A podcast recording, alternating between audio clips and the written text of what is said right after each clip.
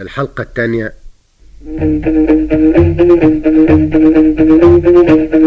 بعد المديح في المكمل أحمد أبو ضرب سالك. نحكي في سيرة وكمل. عرب يذكروا قبل ذلك سيرة بني هلال. يرويها لكم عبد الرحمن الأبنودي. غناء جابر أبو حسين. إخراج أحمد علام. في سيرة عرب أقدمين كانوا ناس يخشوا الملام. رئيسهم أسد سبع متين يسمى الهلال السلام.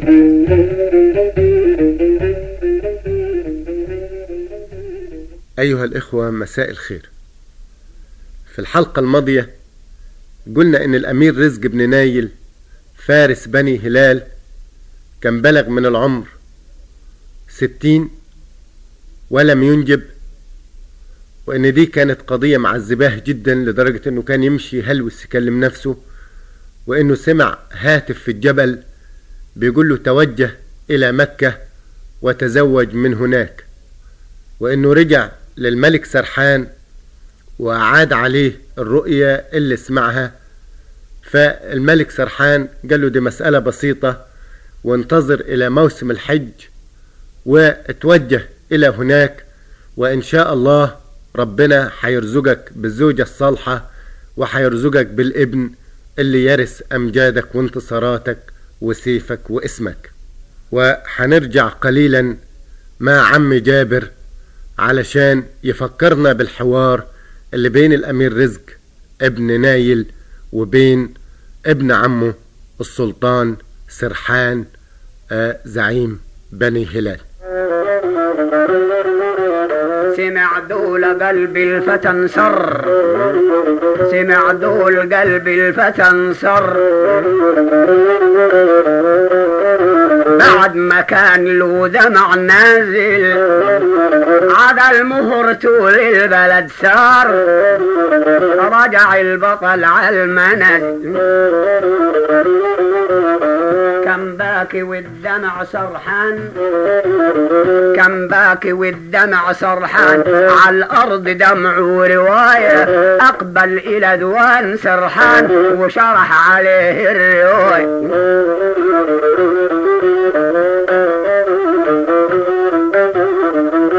له أنا وحدي كنت في الجبل مريت. أنا وحدي كنت في الجبل مريت.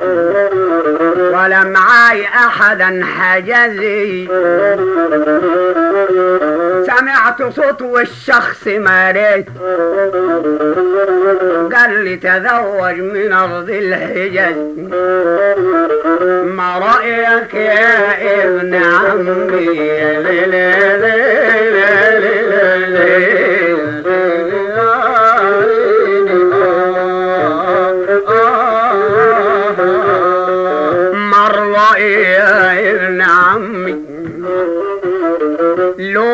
يتغير بصرة. مني تخبلت لف عمي. سرحان شوف لي بصر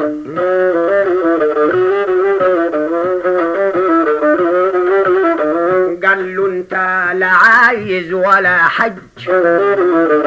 انت لا عايز. انت لا عايز ولا حج. اسمع كلامي وصيغة. تستنى لي موسم الحج. كلام حلو مني وصيغة. وتقصد وجه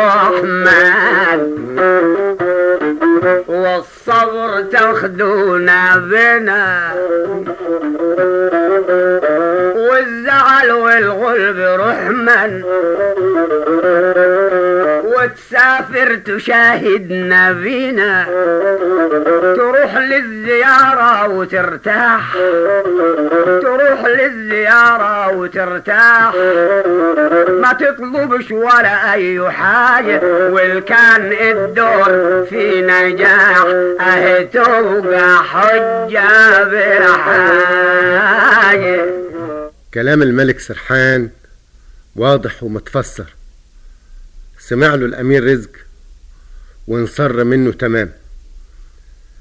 ولقي الكلام معقول كلام الملوك دايما معقول ومحدد. يقولوا كلمتين يكونوا هما الكلمتين.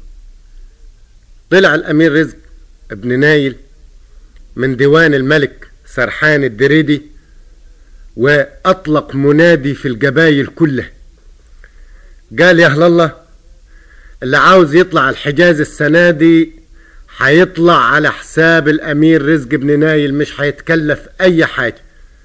وده ندر ندروا الأمير رزق إنه مدام ربنا بعت له هذا الهاتف وهذا المنادي معناه إنه هيعطيله الابن اللي طول عمره يحلم بيه. فقال إنه كل اللي يرغب في الحج السنة دي هيكون على حساب رزق ابن نايل. تمانين فارس اللي قبلوا الحكاية دي وأطاعوه وفرحوا وقالوا ما دام الحجة ببلاش يبقى دي حاجة جميلة. وغير كده كمان رزق ابن نايل فرج الكسوة والمال في كل القبايل. يا جعان يا عريان روح لرزق ابن نايل. وتوسل لربنا إن هو يحقق له مقصوده لأنه حكاية رزق إن هو ينجب وإن هو كبر في السن وإن هو فارس دي طبعا مسألة مستعد رزق الراجل الغني جدا كان رزق ابن نايل من أغنى العرب في هذا الوقت ويعني كان مستعد يدفع كل ماله في نظير إن هو يجيله هذا الابن اللي هيخليه بعد ما ماتوا يعيش تاني في اسمه وفي سيفه. آه ولما جه الميعاد سرجت الرجال على الخيول. واتقدمهم قائدهم اللي هو الأمير رزق بن نايل وتوكل الموكب على الله وصار أيام وليالي إلى أن وصل إلى مكة السعيده سمع رزق صلوا على الزين أخذ كلام الملك ثقة في مكانه. راجل خالي من الكذب والزين يعني الزنا وكلام العرب له مكانة. استنى لموسم الحج راجل بطل عالي نسابه ده عرب من كل حج ياخد الفتى على حسابه. يا أيها الناس كل اللي عاوز يروح الحج الفتى رزق بن نايل هياخده على حسابه. تمانين فارس اللي أطاعوه قالوا نزور قبر التهامي. مدام المال ليهم دفعوه وده راجل زين وعنده تهامي. يعني عنده همة. تمم على الأمر كله التبعي والدنايل الفارس القائد اللي بتتبعه العرب.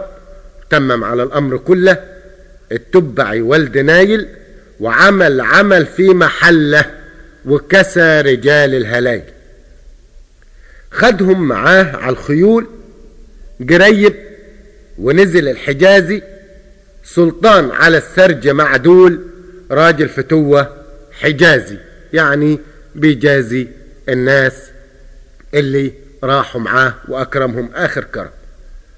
وعندما نزل البلاد ووصل لمكة السعيدة ورزق بلغ المراد فرحان كامل سعيدة يعني كمل سعده. وقول عم جهل. سمع الأمير صلوا على الزين أخذ كلام الملك ثقة في مكان. راجل خالي من الكذب والزن. كلام قبل مكان استنى لموسم الحج. راجل بطل عالي نسبه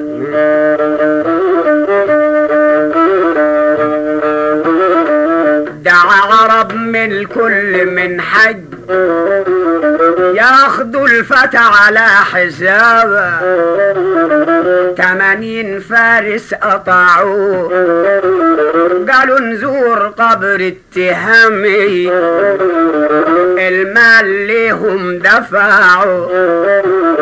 رجل زين عنده تهمي. وتمم على الأمر كله. وتمم على الأمر كله. التبع ولد نايل. وعمل عمل في محله. وكسى رجال الهلايل خدهم معاه على الخيول. قريب ونزل الحجازي سلطان عد سرج معدول. راجل فتوى حجازي عندما نزل البلاد عندما نزل البلاد ووصل لمكة السعيدة ورزق بلغ المراد فرحان كامل سعيد. أتم رزق والتمانين فارس اللي معاه جميع أركان الحج زار البيت وشرب من زمزم وتوسل إلى الله.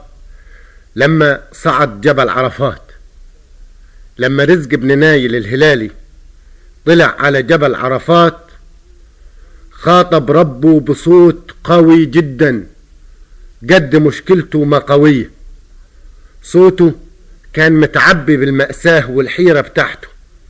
البطل اللي تقدم به السن بدون ما يورث سيفه الابن لدرجة إن الحجاج لما سمعوا صوته ميزوه من كل أصوات الحجاج اللي بتهلل على جبل عرفات وقالوا ما يكون ده غير رزق بن نايل الهلالي زار البيت الحرام وزار الكعبة الشريفة وأقبل لدار السلام راجل عروضه نظيفة عرضه نظيف لم يلوث.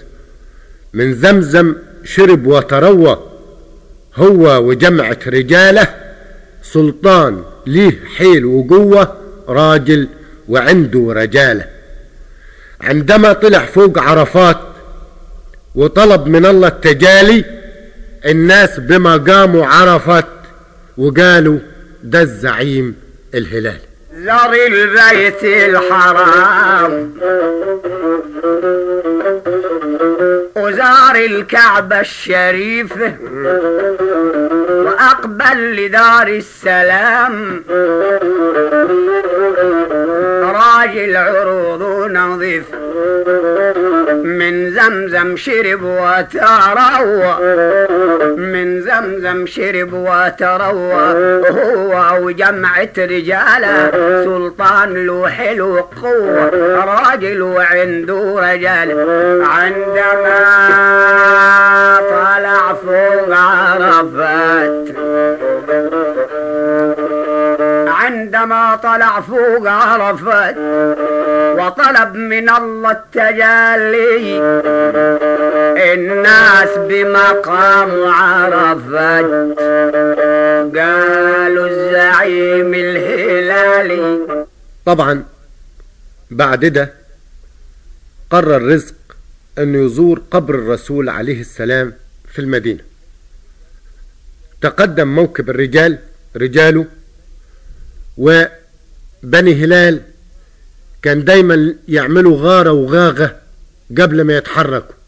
أسياد القبائل قبائل بني هلال كانوا سادة القبائل في الفترة دي. فاجتمع رزق بن نايل بفرسانه التمانين اللي وراه وبدأوا يدقوا الطبول إذانا ببدء الرحيل. وإعلان على إن دول جبايل بني هلال اللي محدش يقدر يتجاهلهم في العرب ولا يلغيهم ولا ما يسمعش لصوت طبلهم.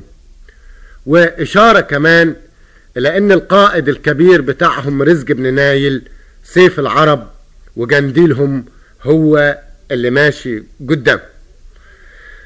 يا أخي الظروف الطيبة وعشان الهاتف ما يصدق والرؤية تتحقق وكلام السلطان اللي قالهوله قبل ما يجي ما يوجعش الأرض.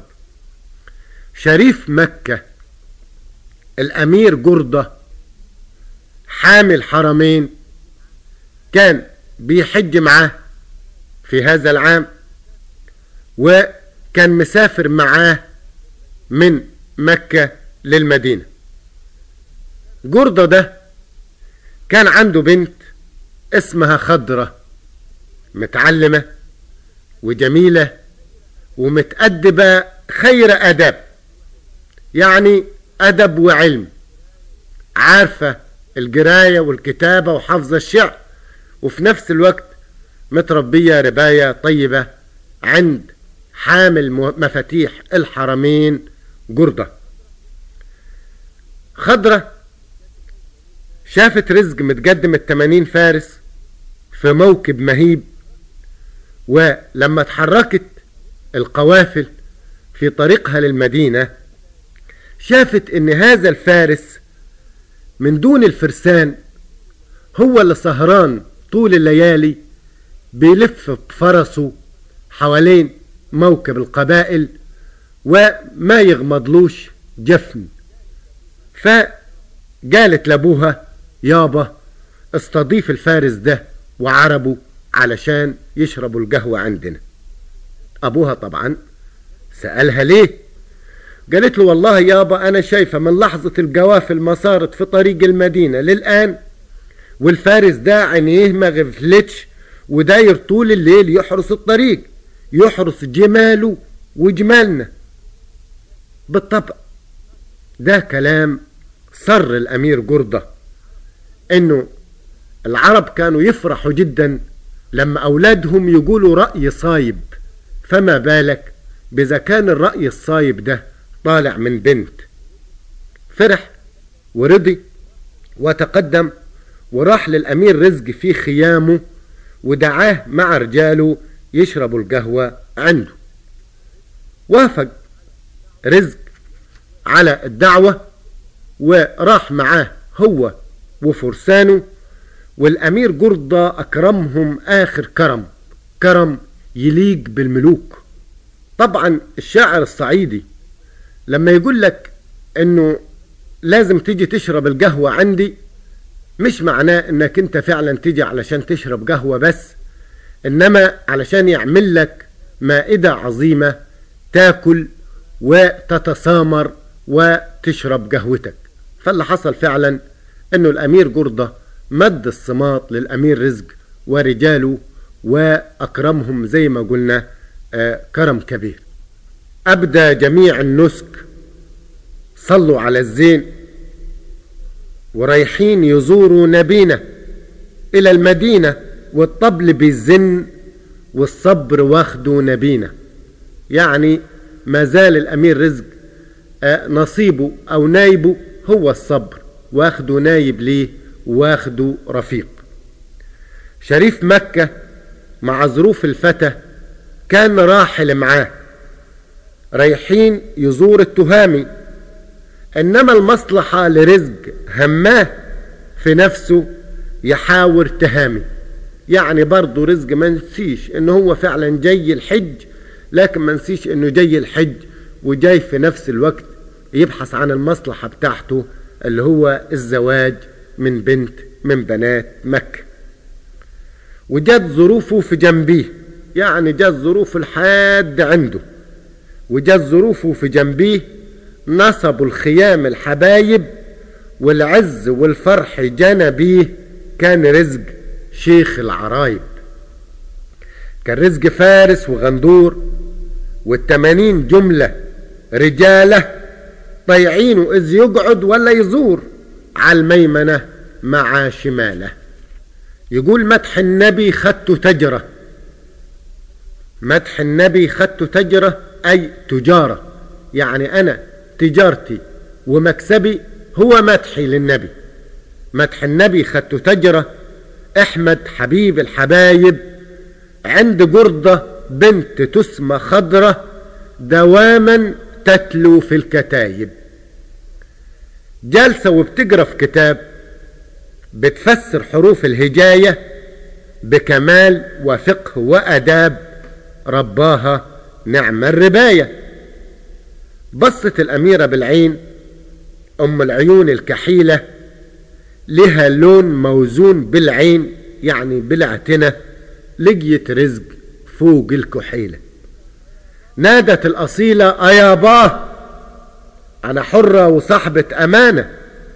الراجل ده بعربه اللي وياه تدعوه يشرب قهوة حدانة شايفاه طول الليل غندور راكب ظهر الركوبة وعلى النجع كله بيدور وعلى جسمه ما حاملش توبة يعني توبه.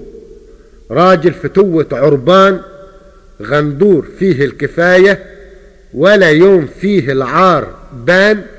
غندور نعم الرباية قال جردة حقه وجب عليا ده راجل أتانا المنازل أجد له بروحي وعنيا ده شرف جميع المنازل. طلع جردة خطر القدمين راح له لحد الخيامي يسلم عليه قرة العين راجل كان يغيظ اللئامي جردة من قبيلة طيبة وشريف. قال له تفضل يا أمير أنت وعربك. يا بطل يا قرة عيوني. يا أمير يلي وافي حسبك في منزلي شرفوني. يعني في الخيام بتاعتي شرفوني. اشرب قهوة العروبة. شريف معنا وجارة. يعني معانا وجارنا في خيامنا. راجل مادي عجوبة. أنا في النبي مستجارة. أنا يعني حلفتك بالنبي وإحنا رجال وأنا يعني بسوق عليك النبي محمد تجي وتقبل قهوتي.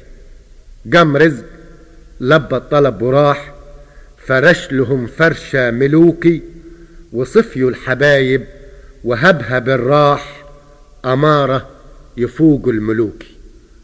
وقول يا عم جاب أبدى جميع النسك صلوا على الزين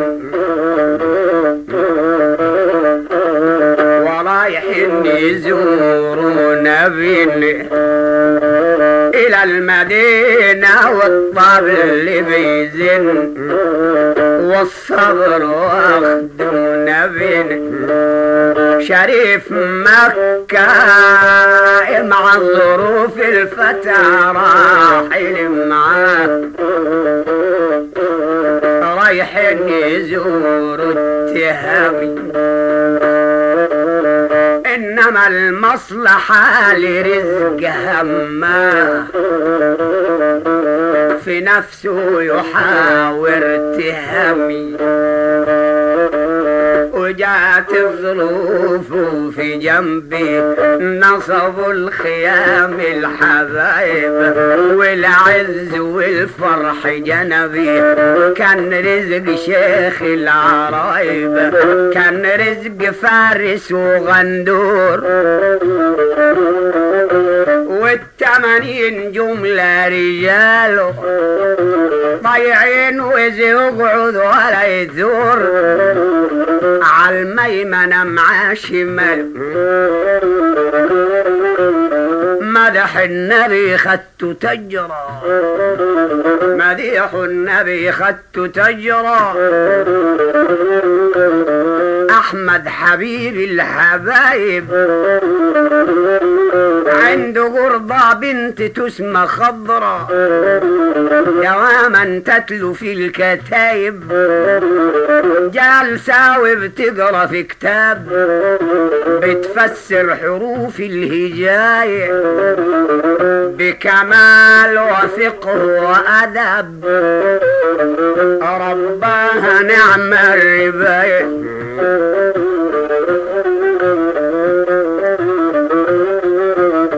بصت الأميرة بالعين. أم العيون الكحيلة. لها لون موزون بالعين. لقيت رزق على الكحيل نادت الأصيلة يابا حرة وصحبة أمان. الراجل ده بعرب اللي وياه تدعو يشرب قهوة حذان شايفه طول الليل غندور راكب ظهر الركوبة. على النجع كله بيدور على جسمه ما حملش ثوبة. راجل فتوة عربة راجل فتوة عربة غندور فيه الكفاية ولا يوم فيه العربة غندور نعم الرباية قال قرب حقه وجب علي. ده راجل أتانا المنازل أجد له بروحي وعني دم دم دم دم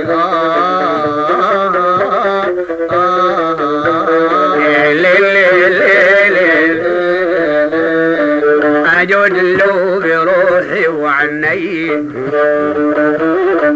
شرف جميع المنازل. طلع قرب خطر القدمين له لحد الخيام سلم عليه قرة العين. رجل كان يغيظ اللي امي قال اتفضل يا أمير انت وعربك. Thank you. قال اتفضل أنت وعربك يا بطل يا قرة عيوني اميري اللي وافي حسبك في منزلي شرفوني أشرب قهوة العروبة شريف معنا وجارة راجل مدلة عجوبة. أنا في النبي مستجر قام رزق لب وراح قام رزق لب الطلب وراح فرش لهم فرشة ملوكي. صفي الحبايب وهبها بالراح.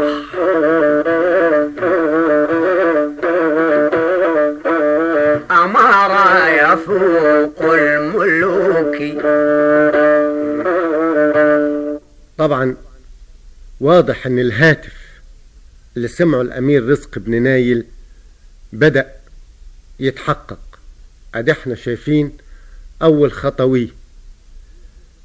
الأمير جردة حامل حرمين دعاه على القهوة عنده وبعد ما أكرمه كرم كبير والدعوة دي زي ما إحنا عارفين إنها تمت بايعاز من بنته خضرة. وطبعا بعد الغدا وبعد القهوة هيبتدي السمر وهيبتدي يسألوا بعض عن أحوال بعض ولابد ما الأمير جردة هيسأل الأمير رزق بن نايل عن آه زوجاته وعن أولاده لأنه هو اللقاءات ديا. والعزومات ديا. أساسا بيبقى الهدف منها أن العرب تقعد مع بعض وتعرف أحوال العرب وتعرف أنساب القبائل وتعرف اللي بيتم في المناطق البعيدة. ولابد ما الأمير رزق بن نايل. لما الأمير جرضة هيسأله عن أولاده آه لابد ما هيرد عليه ويقول له أنا ما أنجبتش أولاد. ومن هنا لابد برضو ما يبتدوا يدوروا على الخيط اللي يحل مشكلة الأمير رزق.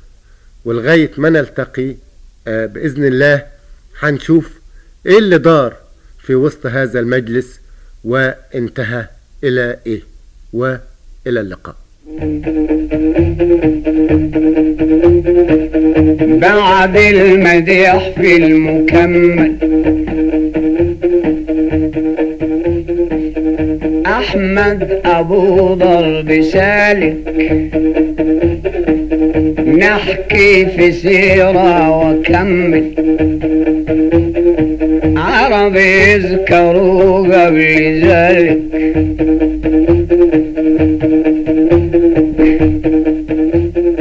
كنتم مع عبد الرحمن الأبنودي جابر أبو حسين أحمد علام في سيرة بني هلال. في سيرة عرب أقدمين كانوا ناس يخشوا الملام. رئيسهم أسد سبع متين. يسمى الهلال السلام.